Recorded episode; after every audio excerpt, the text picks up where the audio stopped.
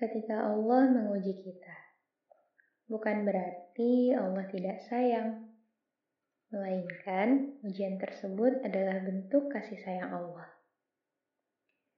Tentu kita ingat bahwa Allah pernah bilang, Allah tidak akan menguji hambanya di luar kemampuan.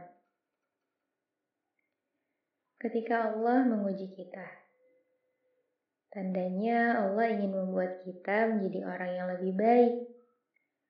Allah ingin mengangkat derajat kita dan Allah ingin agar kita senantiasa dekat dengannya. Begitu sayangnya Allah kepada kita.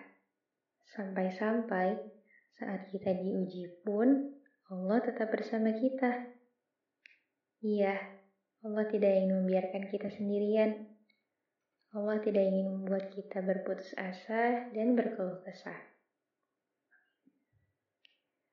Ketika Allah menguji kita, Allah akan tetap ada untuk menghibur, Allah ada untuk menenangkan, dan Allah ada untuk menghidupkan hati kita dengan nikmat iman yang Dia berikan.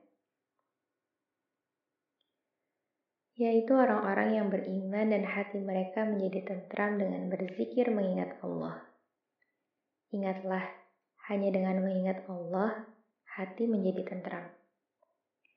Quran Surat Ar-Ra'du ayat 28 La tahzan, innallaha ma'ana. Janganlah bersedih, sesungguhnya Allah bersama kita.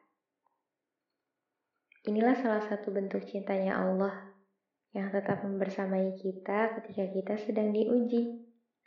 Lantas, apakah kita menyadarinya?